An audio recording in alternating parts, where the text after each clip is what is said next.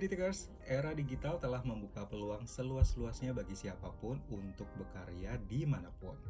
Sebagai bukti, banyak talenta-talenta yang berasal dari daerah mencatatkan segudang prestasi hingga ke kancah internasional. Seperti tamu obat gaptek kali ini, ada Faisal Morensyah, software engineer Talabat. Hai Sal. Halo Detikers, nama saya Faisal Morensyah, panggilannya Faisal.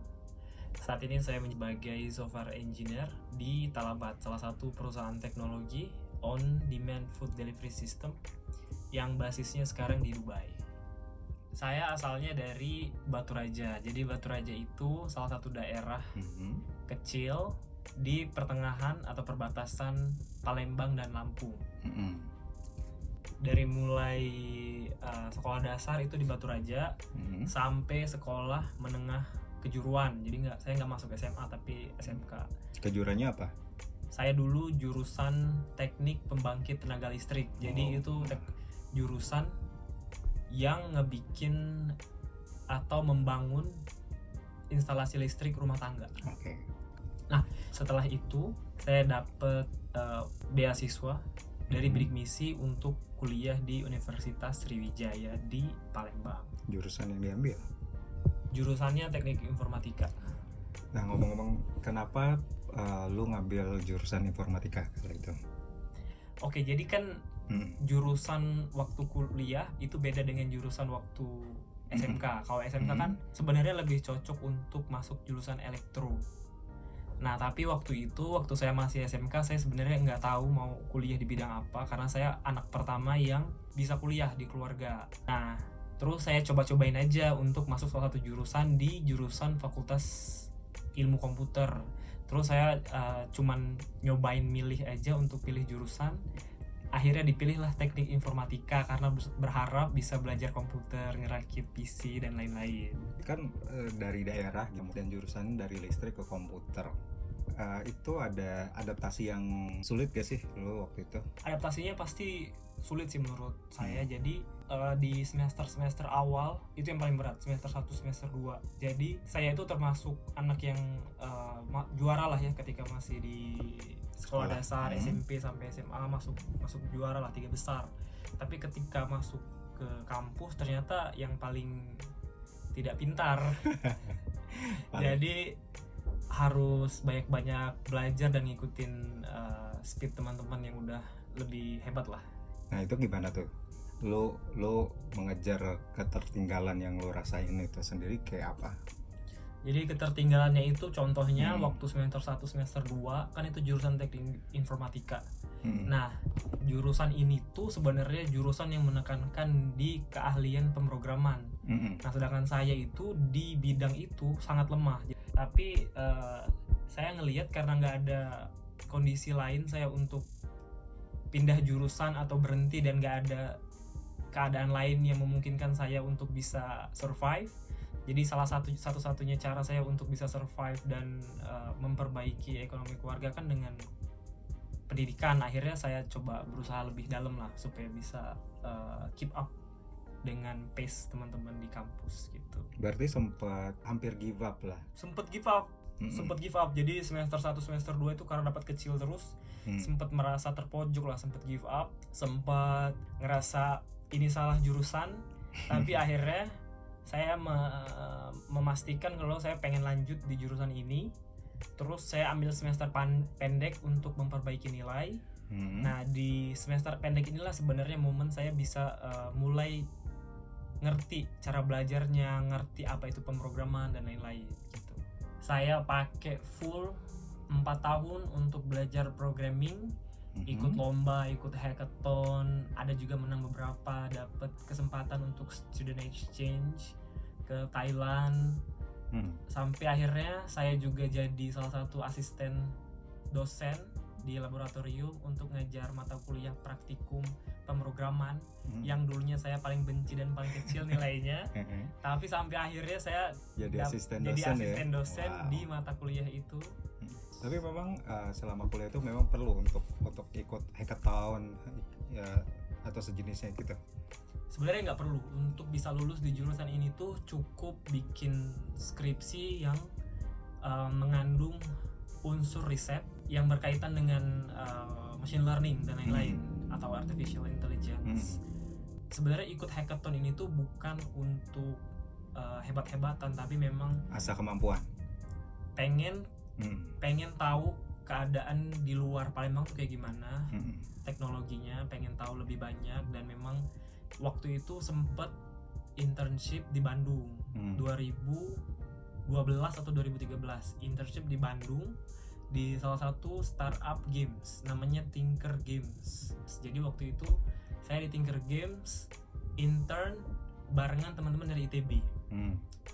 Nah waktu itu di situ momen saya tuh ngeliat kalau sebenarnya Hmm. orang di luar Palembang itu udah jauh banget Wow. saya bisa ngeliat kalau waktu itu kira-kira kayak kita ketinggalan ya lima tahunan lah untuk Oh masalah ya? teknologi, untuk Wow. masalah pemrograman, untuk masalah apa ya pengetahuan di bidang itulah agak ketinggalan jauh lah. Itulah makanya setelah selesai intern itu saya ngeliat saya harus bisa keep up dengan dunia teknologi bukan cuma di Palembang tapi juga di Indonesia gitu.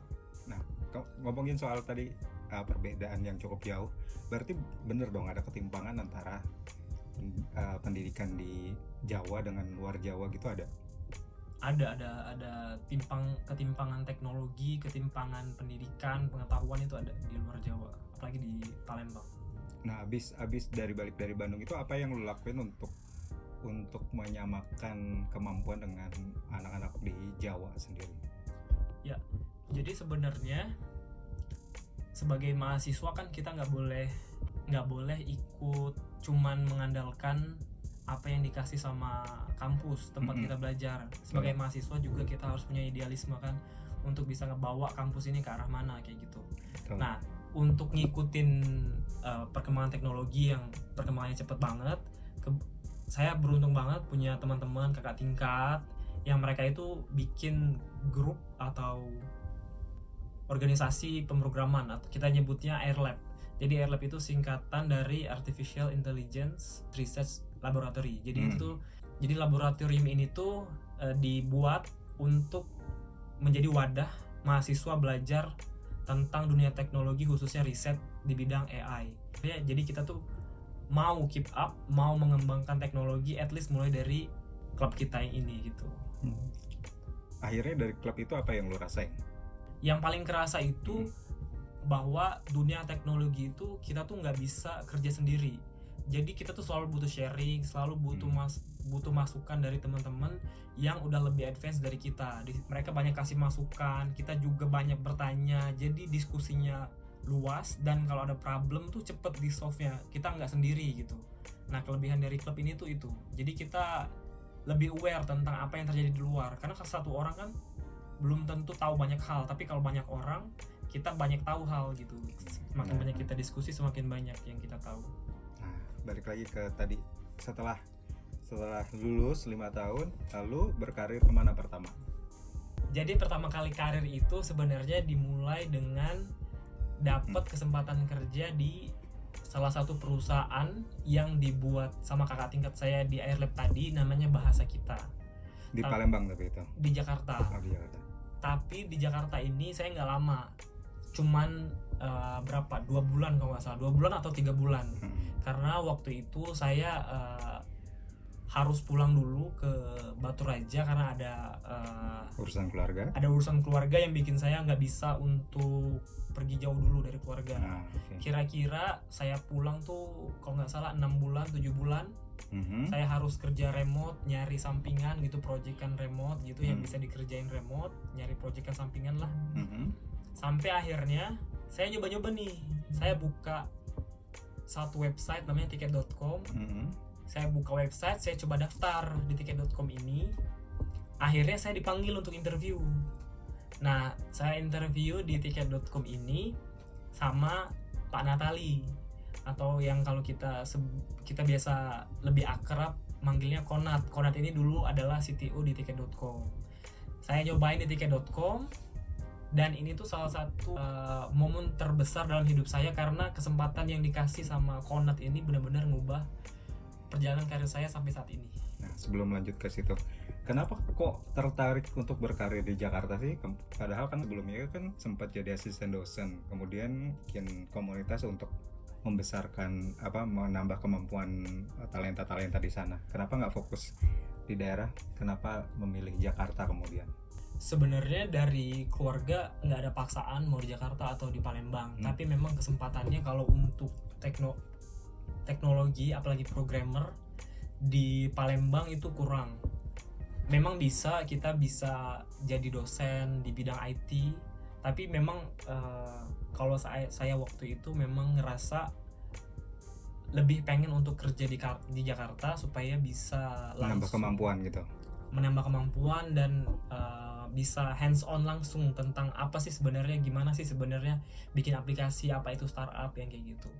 oke. Nah tadi kan ngomong kalau di tiket.com itu diberikan kesempatan yang begitu besar gitu. Kayak apa sih emangnya?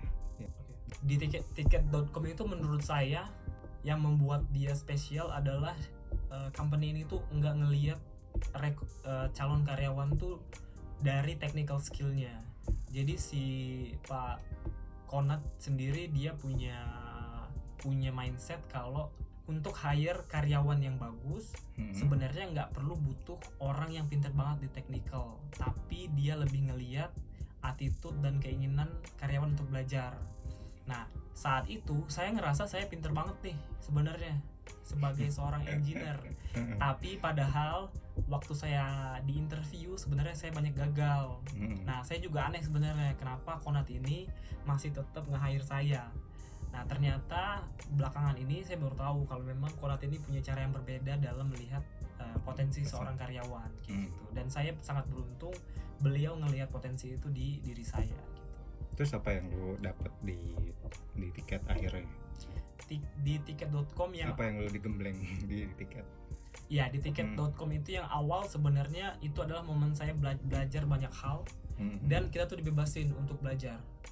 Jadi semua orang tuh memang support kita selama kita memang punya keinginan untuk mengejar itu dan mereka tuh memang ngasih tanggung jawab tuh nggak tanggung tanggung. Sekalinya mereka ngasih tanggung jawab memang tanggung jawabnya tuh memang yang gede gitu. Jadi sebagai fresh grad kita tuh sekalinya belajar belajar banget banyak banget. Maupun em, dari sisi technical sampai yang eh, mungkin non technical kayak manajemen proyek dan lain-lain. Nah kalau di tiket.com sendiri berapa lama sih kemarin karirnya? Jadi di tiket.com itu saya sekitar 8 bulan. Nah, sampai akhirnya saya dapat kesempatan untuk kerja di salah satu perusahaan AI namanya Kata.ai. Saya juga tapi nggak terlalu lama di Kata.ai Mhm. ini sampai akhirnya saya dapat kesempatan lagi mm-mm. untuk di untuk kerja di salah satu BUMN di Indonesia. Mm-mm.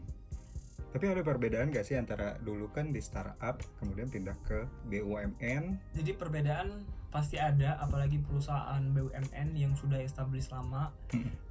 Bedanya mungkin dari cara kerja. Kalau di startup itu kita tuh bisa agak lebih fleksibel karena kita hierarkinya nggak terlalu panjang untuk ngurus sesuatu. Jadi Hmm. ketika kita butuh sesuatu, pengadaannya nggak lama, bisa saat itu juga dipakai. Dan flow-nya cepet ya katanya Dan- kalau di startup. Iya dan flow-nya cepet. Terus juga kita memang harus keep up dengan customer kan, karena Hmm. kita tuh sedang ngebikin produk yang dipakai oleh customer. Kalau kita nggak agile, nanti Ketinggalan. ketinggalan dan ki- kita pun harus banyak ngedengerin customer Hmm. dan setiap keluhan atau setiap improvement harus cepet dieksekusi. Nah di BUMN ini sendiri berapa lama akhirnya berkarirnya? Kurang lebih di BUMN ini berkarir Hmm. hampir 2 tahun. Dua tahun. Abis itu ke mana? Nah, setelah di BUMN ini saya dapat Hmm. tawaran dari salah satu uh, VP di tiket.com. Hmm. Kalau di tiket yang baru ini tantangannya apa dibanding yang sebelumnya? Dan apa yang lu dapat lagi? Oke. Dari segi teknologi, kita pakai teknologi itu yang lumayan baru buat saya. Jadi kita dulu teknologinya bagus-bagus, kita banyak pakai tools yang memang dibutuhkan untuk suatu perusahaan ketika kita bikin aplikasi. Terus kita terus juga timnya jadi lebih gede dan saya juga punya kesempatan untuk jadi salah satu orang yang bikin sistem dalam proses ekspansi. Nah di tiket.com ini berapa lama akhirnya di tiket.com ini kurang lebih dua tahun. Hmm. Jadi di tiket.com ini saya gabung sama dua tim dan di tim terakhir ini kebetulan di akhir masa development saya dapat tawaran untuk kerja di Dubai. Nah itu gimana ceritanya? Dapat tawaran di Dubai itu gimana prosesnya? Jadi memang ketika saya di tiket.com itu saat itu memang ada fase lain di dalam hidup yang bikin saya tuh memang harus memilih untuk resign. Salah satunya karena saya pengen ngerasain dapat exposure kerja di luar negeri. Dan kebetulan saya dapat panggilan di Talabat itu karena salah satu rekruternya ngelihat profil saya Di? di LinkedIn. Oke. Nah, jadi rekruternya bilang kalau beliau mau untuk ngerekrut saya dan kalau misalnya saya tertarik akan diajak untuk interview di Talabat. Nah, semuanya itu dilakukan di LinkedIn kebanyakan komunikasinya. Berarti memang uh, membuat profil LinkedIn juga tuh penting banget ya.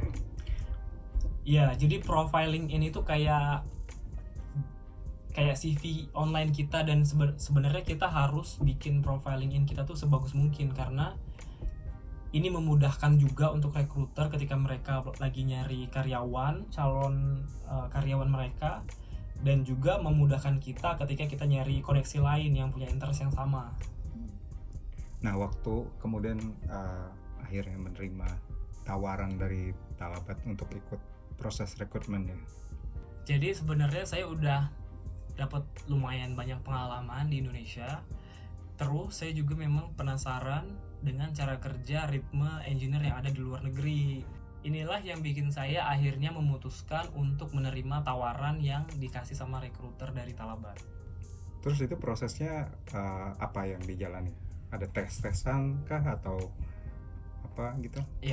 Jadi sepertinya memang udah jadi pattern beberapa perusahaan IT di luar negeri.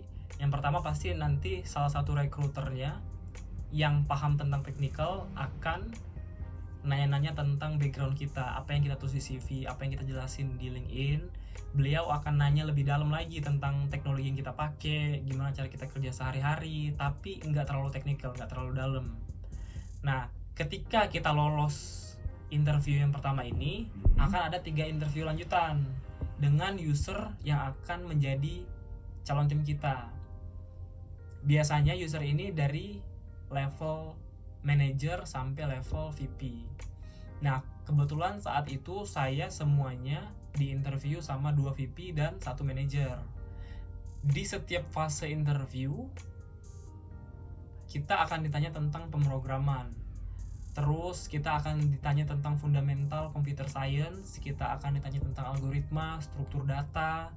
Biasanya akan dikasih soal-soal tentang competitive programming, problem solving, dan selanjutnya pasti akan dilanjutin dengan sistem desain. Nah, sistem desain ini contohnya itu cara kita ngebikin aplikasi. Contoh misalnya Hmm. dia mau bikin aplikasi real time untuk chat misalnya WhatsApp nah biasanya kita tuh harus bikin struktur secara detail gimana sih gimana sih cara bikin WhatsApp sampai akhirnya WhatsApp itu bisa dipakai sama user di setiap fase interview di tiga interview tadi pasti akan ditanya tentang dua poin ini. Competitive programming yang isinya ada problem solving struktur data dan lain-lain. Dan sistem desain cara ngebangun aplikasi. Terus akan ada additional interview berkaitan dengan tim kita yang sekarang cara kerjanya kayak gimana pengetahuan umum eh, apa itu teknologi A apa itu teknologi B dan mereka biasanya akan nanya lebih dalam ketika mereka tertarik dengan calon kandidat Nah ini proses interviewnya pakai bahasa Inggris atau bahasa Arab sih? Karena Dubai, siapa tahu pakai bahasa Arab kan? interviewnya semua full pakai bahasa Inggris, Nggak ada Arab-Arabnya dong. nggak ada Assalamualaikum doang. paling assalamualaikum Oke, pros- prosesnya berapa lama? Kalau dari dari awal sampai akhirnya keterima gitu. Jadi prosesnya itu dimulai dari Januari 2020 Mhm. setiap interview itu selangnya adalah satu minggu Mhm. kebetulan eh, kondisinya lagi smooth jadi cuma satu minggu satu minggu satu minggu total interview itu satu bulan pertama dengan recruiter minggu pertama lanjut dengan eh, user satu minggu kedua minggu ketiga dan minggu keempat Dan itu semuanya dilakukan secara online ya. semuanya dilakukan secara online kebanyakan kita pakai zoom untuk. Untuk interview. Nah, apa bedanya proses interview di startup Indonesia dengan di luar gitu? kurang lebih agak agak-agak mirip. Mungkin di Indonesia nggak terlalu ketat di setiap fase ketemu user akan ditanya lagi programming dan sistem desain.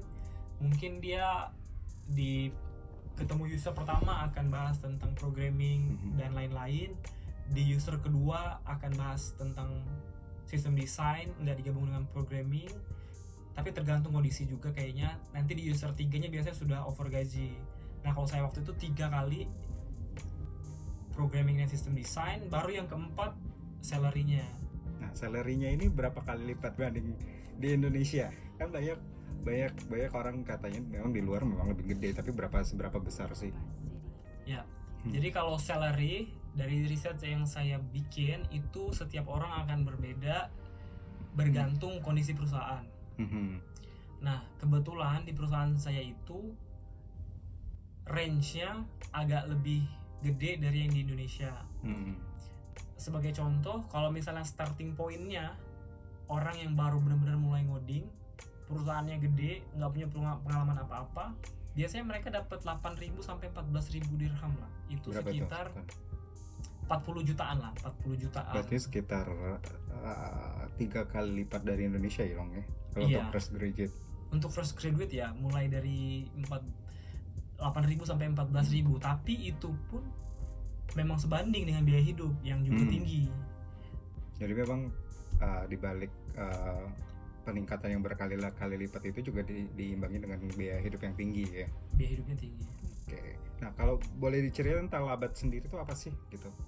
Jadi Talabat itu salah satu aplikasi atau dia itu perusahaan yang ngebikin online food ordering system. Di Indonesia sendiri dia lebih mirip GoFood daripada Gojek. Hmm. Jadi dia tuh nggak ada kurir untuk mengantar penumpang, tapi dia tuh khusus di food, food ordering. delivery. Mirip Iya. mirip Food Panda berarti. Iya, karena Foodpanda dan Talabat itu satu perusahaan sebenarnya. Oh gitu. Di Iya, jadi Foodpanda dan Talabat itu sebenarnya under satu perusahaan namanya Delivery Hero. Jadi mereka tuh Hmm. subsidiarisnya. Delivery Delivery Hero ini adalah salah satu perusahaan market leader lah di Jerman. Dia biasanya di Jerman di Berlin headquarternya. Jadi kita sebenarnya subsidiaris Jadi expand ya? Iya, dia expand di Mina, Middle East and South Africa namanya Talabat. Nah, kita tuh sediain produk sebenarnya nggak cuman food de- food Food delivery. delivery, ada juga groceries, Hmm. terus juga obat-obatan dan bunga. Sebenarnya sekarang lagi expand Hmm. juga, nggak cuman itu, ada Hmm. juga kosmetik dan produk-produk lain yang di- yang diminati. Jadi lebih ke gabungan antara kalau di Indonesia itu gabungan dari e-commerce dengan aplikasi pesan makanan. Oke oke. Tapi arti Talabat sendiri tau nggak? Talabat itu kayaknya artinya adalah pesen. Oh pesan. Jadi kalau biasanya- pesan ya. Iya, jadi biasanya orang nyebutnya tuh just talabat. Jadi pesan Hmm. aja gitu. Oh, Oke. Just talabat gitu. Oke oke. Nah di Talabat sendiri apa tugas Faisal sendiri? Jadi saya sendiri di Talbat ini tugasnya sama kebanyakan dengan di Indonesia sebagai software engineer, Mhm. tapi memang di sini itu secara organisasi kita tuh timnya lebih ditekankan untuk mikirin customer. Jadi kita tuh disebutnya product team. Product team ini maksudnya apa? Jadi product team ini maksudnya adalah sebagai satu sebagai satu tim Mhm. terdiri dari beberapa orang engineer, manager, designer, uh, QA atau di Indonesia kita sebutnya squad. Kita tuh kalau mau bikin suatu produk tuh kita harus berdasarkan data dan analisis tentang aplikasi kita. Terus kita juga harus mengedepankan manfaat dari satu fitur terhadap customer. Nah, kita tuh harus punya mindset ini setiap kali kita mau ngebikin sesuatu. Semua orang tidak terkecuali di dalam tim harus memikirkan hal ini dari sudut pandang expertise mereka. Kayak gitu. Nah, pas masuk di sana dengan kemampuan bertahun-tahun di uh, startup Indonesia, Mhm. gimana membandingkan dengan talenta di sana? Ya, sebenarnya talenta kalau mau dibandingin di Indonesia dengan di luar negeri, Mhm. khususnya di Dubai, sebenarnya di Indonesia talentanya banyak yang bagus-bagus. Mhm. Cuman memang mungkin di Dubai lebih mature. Dalam artian Mhm. ketika ada orang yang mau gabung di Talabat, ekspektasinya adalah si calon karyawan tuh sudah paham banyak hal fundamental dalam dunia software engineering. Mhm. Nah, contoh untuk gabung di Talabat nggak cocok. Misalnya kita tuh masih fresh grad tanpa pengalaman sama sekali. Karena kita sudah dituntut untuk ngebangun sesuatu tuh yang memperbaiki suatu masalah. Kalau kita nggak punya fundamental yang bagus, kita susah untuk accelerate kan. Nah, di sana itu orang-orangnya tuh sudah dilengkapi dengan fundamental yang bagus. Jadi mereka tuh kalau udah kalau ngobrol nggak perlu ngasih tahu dulu, oh ini tuh basicnya kayak gini, oh ini tuh basicnya kayak gini.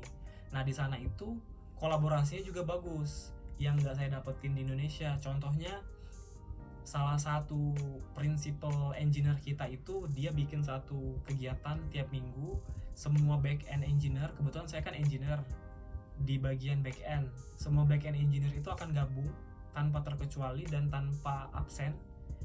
Misalnya lagi ada hal yang urgent yang nggak apa-apa nggak hadir tapi kegiatan yang nggak pernah absen setiap minggu kita akan bahas hal-hal yang penting dalam sekuat kita masing-masing.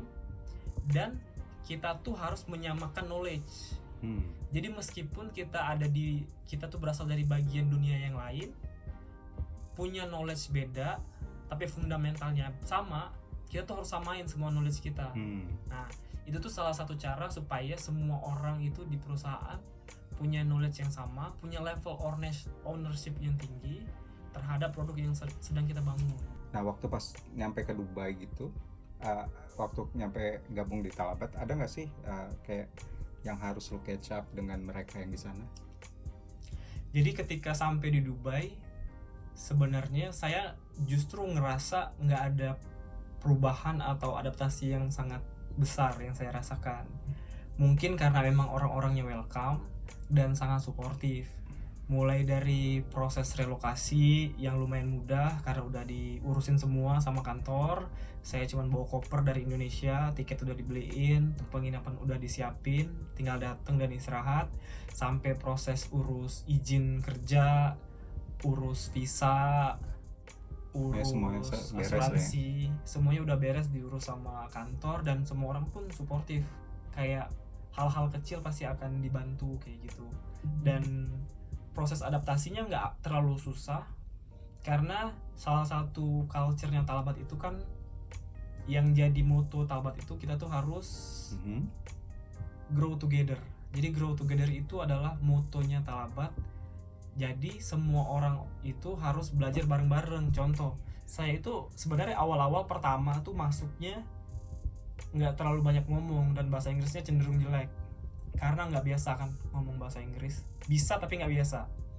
Nah, salah satu yang paling saya suka dan menurut saya sangat bermanfaat adalah semua orang tuh bakal support kita. Jadi meskipun kita ngomongnya nggak terlalu jelas, mereka akan mencoba mengerti dan bantu. Nah dan yang lebih penting, manajer kita tuh akan notice dan ketika dia notice, dia akan bantu di bagian mana kita kurang, dia akan ngajakin kita untuk improve bagian itu. Nah dengan kayak gitu, kekurangan tuh lebih cepet dibenerin. Contoh saya kemarin sempat bilang kalau saya ngerasa saya tuh nggak terlalu banyak ngomong dan kurang pede karena ada beberapa hal bukan karena teknikal tapi kayaknya memang lebih susah ngomong ide dan lebih susah menyampaikan apa yang ada dalam pikiran. Terus manajer saya nawarin kalau gimana setiap minggu atau per dua minggu kita akan ngobrol dan lo harus keluarin ide tentang yang sedang kita obrolin sebagai preparation ketika nanti ada meeting beneran yang di mana kita dituntut untuk ngeluarin ide. Nah dan itu tuh benar-benar disupport dan diketahui sampai level senior manager. Jadi ketika saya lapor sama manajer saya, nanti manajer saya akan bilang ke level senior manager dan mereka tuh akan nyiapin strategi gimana karyawan tuh bisa catch up. Hmm, Jadi nggak ditinggal kalau ada yang nggak bisa tuh nggak ditinggal, jadi dirangkul ya. dirangkul. Malah disupport ya, jadi lebih enak. malah ya. disupport. Saya pernah saya ingat pernah satu kali Hmm. senior manajernya ajak saya untuk ngobrol kalau misalnya di perusahaan itu tuh kita nggak ngeliat kalau lu tuh punya kekurangan akan ditinggal. Jadi cara dia nge-support yang direct itu bener-bener ningkatin mental kita untuk bisa lebih baik lagi sih. Yang paling enak di situ dan waktu itu ada satu VP dan satu senior manager yang ngehubungin saya untuk support saya kalau memang ada hal yang ditakutin nggak perlu takut karena saya personally akan backup kayak gitu Oh, kalau ada banget apa-apa. ya. iya Jadi bikin bikin adaptasinya jadi jadi nggak berat gitu. dan jadi lebih berani Mhm. karena mereka udah personally hubungin kita Mhm. Berarti tantangan-tantangan yang baru dihadapi langsung hilang gitu aja ya.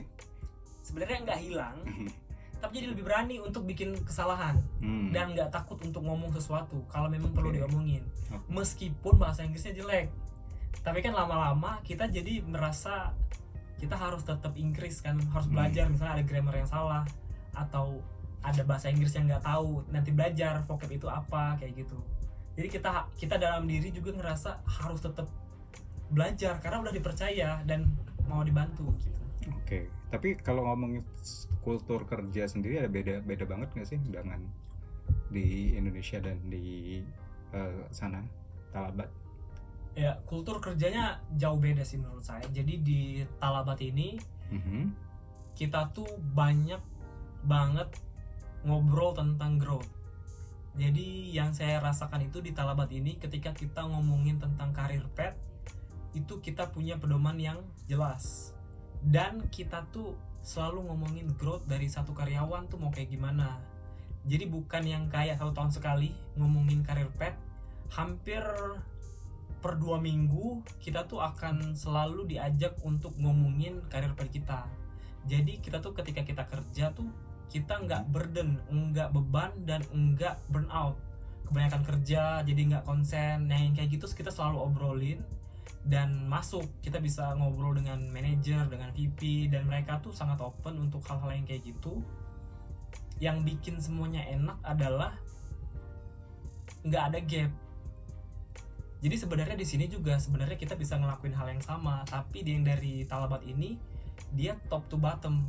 Jadi yang menyarankan untuk ngajakin ngomong itu si manajernya bukan kita yang kayak ngajakin manajernya tapi manajernya Yang ngerangkul. ngerangkul mereka ayo mau ngomong apa nanti diajakin personal jadi Hmm. hal-hal yang kayak gitu menurut saya bikin kita jadi lebih mau untuk ngomongin apa yang kita pengen kadang-kadang kita kan pengen sesuatu tapi nggak berani. nggak berani ngomong dan Segen ya? segan Nah, segan untuk ngomong karena dia bos mhm. Nah di sini itu memang ada jadwalnya. Si bos akan ngedeketin kita untuk ngomong problemnya ada di mana. Dan ini tuh direalisasikan, bukan cuma ngomong. Mereka pikirkan tuh gimana strateginya. Kalau memang nggak dapet di tim ini nanti di tim ini. Kalau nggak dapet di tim ini cobain di sini gitu. Sementara kalau di sini kulturnya memang nggak enakan juga ya kan? Ya kalau di sini mungkin kulturnya juga nggak enakan. Terus juga mungkin beberapa company juga mungkin mungkin case-nya bukan lebih jelek bahasanya, tapi belum arah belum Arahnya belum ke sana. arahnya belum ke sana atau mungkin memang belum menemukan pola yang tepat untuk company itu sendiri. Oke. Kayak gitu. Kalau di sana mungkin polanya tuh udah dapet karena mungkin yang perusahaan di headquarter di Jerman juga kan langsung turun untuk ngebentuk organisasi people operations, tim uh, tim HR dan lain-lain jadi lebih enak gitu dari sisi karyawan untuk kerja di situ. Oke, nah ini kan udah setahun nih, udah setahun lebih ya bergabung di Talabat. Ilmu baru apa aja yang per, yang lu rasain, lu dapetin? Mau nambah skill lu lah. Oke dari sisi soft skill di Talabat ini Hmm. Culture-nya kan lebih ditekankan untuk kita tuh punya ownership yang tinggi. Jadi ketika kita bikin sesuatu, you build it, you ship it. terus juga kita tuh harus ngelakuin yang namanya TDD atau uh, test driven development ada banyak hal di bagian soft skill yang kayaknya agak susah di dikeluarkan, diutarakan, tapi sebenarnya itu sebenarnya ngaruh ke kita. Contohnya kayak time management.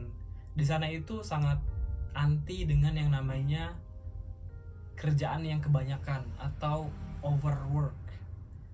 Jadi setiap kali kita sedang ada proses untuk memecah satu kerjaan yang akan kita kerjaan Mhm. di salah satu waktu, prosesnya itu detail. Sebenarnya dilakukan juga di Indonesia. Tapi yang bikin menarik adalah di proses ini tuh kita tuh dipaksa dan kita tuh dibentuk supaya kita tuh harus ngomong. Jadi tempat ini tuh nggak cocok untuk orang yang nggak mau speak up idea dan nggak kritis. Nah bedanya di situ mungkin dari sisi soft skill kita dipaksa untuk kritis, kita dipaksa untuk speak up karena kitalah yang punya produk ini gitu. Kita harus grow together salah satunya Hmm. kayak gitu. Yang dari sisi soft skill, dari sisi teknikal sebenarnya ada banyak. Kalau di perusahaan saya yang sebelumnya mungkin um, saya lebih banyak bikin produk di sisi sebagai seorang programmer kalau yang sekarang itu saya pegang semuanya dari mulai proses development sorry proses analisis nentuin suatu fitur yang akan dibikin berdasarkan hasil barengan dengan product manager terus kita juga sering juga ngasih masukan tentang desain dan lain-lain. Terus juga kita develop dengan TDD dan kita juga harus paham fundamental kayak contoh kita harus pakai design pattern. Kita juga harus terapin clean Hmm. code dan lain-lain. Dan itu tuh harus dilakukan salah satunya dengan manfaatin tools lain untuk menganalisa kompleksitas dari codingan yang kita bikin. Contohnya tuh mungkin yang agak populer tuh ada namanya sonar cube atau sonar cloud. Ada juga namanya checkmarks. Terus juga kita kita diwajibkan untuk paham cara scaling aplikasi yang kita bikin atau kita lebih sebut dengan service yang kita bikin. Kita di sana tuh lebih fokus untuk bikin aplikasi yang faster time to release to market. Artinya aplikasi yang kita bikin tuh harus cepet rilisnya ke market. Nggak perlu depend sama aplikasi lain atau sama tim lain atau sama beberapa tools lain kayak gitu. Kita dituntut untuk fast release to market. Nah untuk ini kita mengadopsi yang namanya microservice yang udah lumayan terkenal juga di Indonesia juga udah banyak dipakai. Bedanya di sana kita tuh harus own service yang kita bikin. Kita harus tahu gimana cara scale-nya mau pakai Kubernetes kita harus paham juga gimana cara scale-nya kita harus paham networking-nya kita juga harus mikirin dari sisi security concerns hacker dan lain-lain yang kayak gitu. Ada banyak sebenarnya kalau diomongin masalah growth-nya growth di sini itu banyak banget dari yang saya pernah dapet di Indonesia. Oke. Nah, kalau ngomong-ngomong nih, kalau ada talenta dalam negeri gitu, kalau mau berkarir di luar itu, menurut lu kemampuan apa sih yang uh, perlu mereka uh, apa punyai gitu? menurut saya yang paling penting itu adalah growth mindset Hmm. growth mindset itu artinya kita tuh jangan terlalu terkekang dengan ilmu yang kita punya sekarang. Jadi ini tuh salah satu soft skill yang saya pakai supaya kita tuh mudah beradaptasi. Contohnya, ketika kita punya kemampuan tertentu dan ketika kemampuan tertentu ini nggak cocok di satu perusahaan, kita tuh harus beradaptasi dan harus belajar terus supaya kita tuh bisa adaptasi lagi di perusahaan yang baru. Nah ini tuh terdengar Klise. klise, terdengar em, mudah dipraktekkan, tapi kenyataannya banyak yang mudah baper ketika dapat masalah, ketika gagal. Contohnya dapat masalah di perusahaan, misalnya perusahaannya eh, punya policy yang beda dengan yang dia pengen dan beda dengan perusahaan sebelumnya, nggak suka terus instead of benerin dan propose satu ide biasanya kita mulai baper dan nggak mau lagi ngelanjutin di perusahaan tersebut. Nah, yang dilihat itu sebenarnya harus terus bisa ngelihat sisi positif dari problem yang ada dan itu tuh yang sulit untuk didapat dari talenta-talenta yang ada sekarang. Oke. Nah kalau menurut lo tadi em, untuk berkarir di luar baiknya nggak baiknya nggak fresh graduate ya?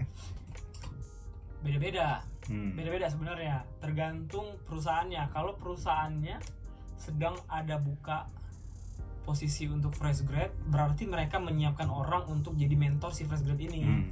jadi memang untuk beberapa perusahaan mereka nggak buat opening yang untuk fresh grad. Kenapa? Karena mereka mungkin butuh orang yang jadi mentornya bukan jadi yang dimentor dan mereka mungkin sedang dalam kondisi tertentu yang untuk ngejar sesuatu kan bikin produk sesuatu yang butuh cepet nggak bisa mentorin orang dulu untuk beberapa kantor contohnya contohlah aja Google kayak gitu yang gede atau Microsoft atau Netflix atau Spotify. Mereka buka untuk posisi junior sebenarnya.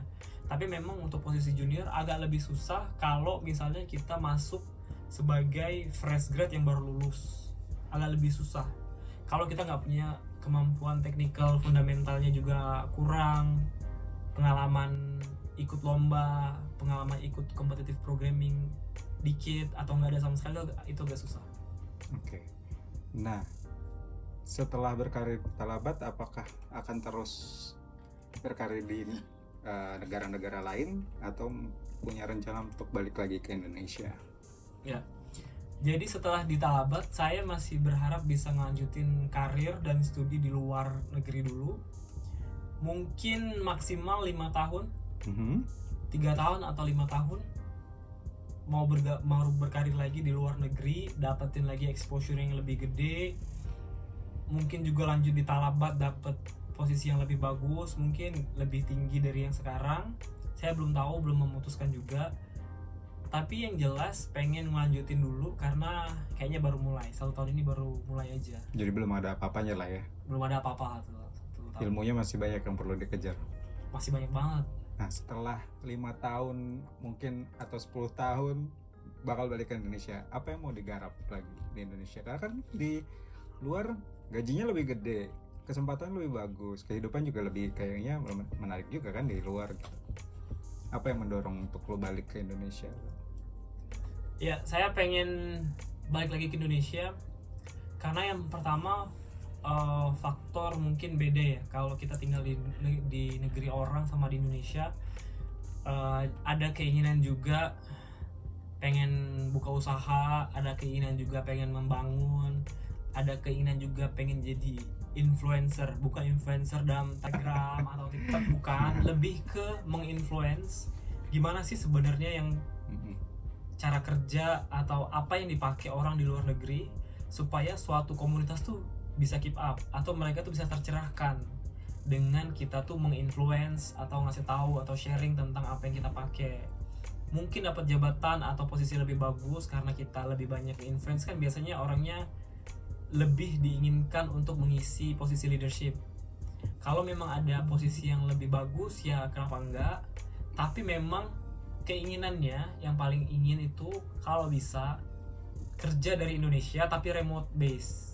Hmm. Jadi perusahaannya di mana? Mungkin di Amerika, tapi kita base-nya di Indonesia. Jadi gajinya Amerika, biaya hidup Indonesia Indonesia. yang gede itu mah. Itu itu yang kayak gitu yang kalau bisa dicari nanti sekitar 10 tahun. Tapi ada rencana untuk mungkin buat startup atau akademi untuk untuk meningkatkan SDM di Indonesia?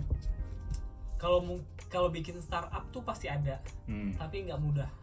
Jadi kemungkinan untuk bikin startup tuh kecil karena pasti semua orang tuh punya ide dan eksekusi mereka lebih bagus. Hmm. Jadi nggak se pede itu untuk bikin startup.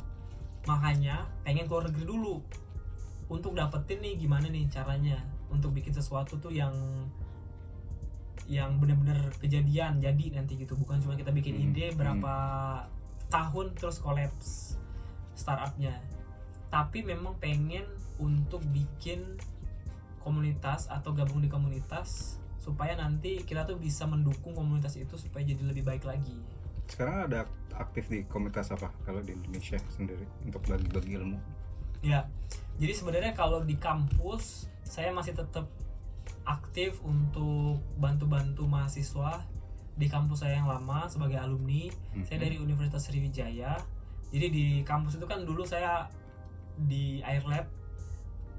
Terus saya sampai sekarang tetap maunya tuh aktif, tapi memang nggak terlalu aktif sih sekarang. Waktu. Udah- memang kayaknya memang dari orang-orangnya juga memang sekarang mungkin lagi sibuk tapi saya sendiri masih berkeinginan untuk tetap bisa di Airlab bantu kampusnya untuk uh, jadi lebih baik terus komunitas lain itu namanya komunitas Palembang Digital komunitas Palembang Digital itu tuh komunitas di mana orang-orang di Palembang itu gabung dan kita tuh ngomongin tentang teknologi supaya semua orang tuh melihat teknologi dan pakai teknologi ini untuk memudahkan berbagai aktivitas kita gitu Oke, pertanyaan terakhir mimpi terbesar yang pengen di, dicapai. saya itu punya mimpi untuk bisa bangun perusahaan yang berbasis green energy. Wow. Jadi dia tuh punya infrastruktur, punya model bisnis yang sustainable. Bukan cuman kita bikin perusahaan yang take profit, tapi juga memanfaatkan teknologi untuk sustain. Kita kan udah lihat banyak banget tuh produk kita bikin perusahaan, tapi memang dampak sosialnya nggak segede profitnya. Nah saya itu bikin pengen bikin perusahaan yang gede yang bisa jadi contoh dari perusahaan-perusahaan lain. Gini harusnya bikin perusahaan tuh bukan cuman mendukung masyarakat yang kerja dengan kita atau mendukung karyawan mem- meningkatkan kesejahteraan karyawan, tapi juga mendukung un- tidak dengan merusak malah memperbaiki Lingkungan. lingkungan. Contohnya kayak di Belanda itu mereka punya yang namanya pertanian yang scale-nya up. Jadi Hmm. mereka itu ke atas bukan ke samping. Mereka tuh butuh nggak butuh lahan gede, tapi mereka akan scale pertaniannya ke Vertikal, atas, ya. vertical, vertical farm. Dan ini tuh sustain. Jadi mereka tuh dari vertical farm ini lebih mudah di maintain kayaknya. Terus hasilnya juga lebih bagus karena lebih eh, mungkin karena dari biaya dan lain-lain karena nggak butuh eh, nggak butuh tanah yang luas jadi lebih Mhm. kecil tapi juga pastinya challenge-nya lebih gede karena kan teknologi yang dipakai nah tapi ini tuh kan salah satu contoh dan mimpi saya itu bisa bikin salah satu perusahaan yang punya misi untuk bikin eh, suatu daerah atau suatu tempat lingkungannya tuh nggak malah tambah rusak tapi bisa juga jadi lebih baik dan jadi contoh dari perusahaan lain gimana sih cara bikin salah satu salah satu perusahaan yang berbasis green energy dan menghasilkan produk-produk eh, sehat dengan teknologi pertanian kayak gitu. Selain itu ada mimpi lain? Jadi saya itu punya mimpi kalau bisa suatu saat pengen menjadi menteri. Menteri apa? Saya tuh tertarik dengan menteri pendidikan. Kenapa? Apa ngelihat Nadiem Makarim? Salah satunya Nadiem Makarim yang jadi role model saya yang berani untuk ngedisrupt um, sistem pendidikan yang ada sekarang. Terus juga saya itu concern banget ke infrastruktur pendidikan. Pendidikan itu kan sekarang masih banyak banget kekurangannya. Contoh, kita sekarang mau mulai pendidikan yang berbasis online, tapi banyak banget murid yang nggak sanggup karena infrastrukturnya. Nah, saya itu pengen bangun, saya itu pengen jadi menteri pendidikan. Nggak harus jadi menteri pendidikan sebenarnya, bisa dimulai dengan komunitas. Tapi yang jelas dengan jadi menteri kita punya eh, strategic policy yang lebih gede, kita punya power yang lebih gede untuk mengarahkan gimana sih cara memperbaiki infrastruktur sehingga ini tuh mendukung pendidikan. Jadi bukannya dengan membangun sekolah di daerah-daerah, bukan cuman itu, tapi gimana caranya kita tuh kalau jadi menteri, sorry, gimana caranya kita tuh bisa mendukung pendidikan di daerah tuh nggak sulit itu mengakses pendidikan. Jadi saya pengen bikin infrastruktur tuh mendukung kebijakan pemerintah untuk menaikkan pendidikan bukan cuman di kota-kota besar tapi juga di daerah. Sampai daerah tertinggal juga ya. Jadi bisa gampang mengakses e-book misalnya segala macam ya. Iya, memang tujuan saya kalau bisa tuh daerah tertinggal itu jadi fokus utama. tapi kan nggak cuma itu karena Indonesia itu kan tantangannya adalah logistik kita tuh mencapai daerah terpencilnya susah kebanyakan kan orang dari daerah yang datang ke kota, Kota. untuk mengakses pendidikan nah gimana caranya supaya kita tuh bisa menutup ini Oke. gitu Gitu. Ah, kita doain ya Detikers. Terima kasih Pak obrol-obrolnya Faisal. oke Semoga mimpi-mimpinya tercapai dan tugas di Dubai-nya uh, lancar tanpa halangan. Demikian Detikers, obat gaptek kali ini. Terima kasih telah mendengarkan bersama saya Adi dan sampai jumpa lagi di episode selanjutnya. Jangan lupa untuk update berita teknologi di Detikinet, follow akun Twitter dan Instagramnya @detikinet. Sampai ketemu lagi, sehat selalu.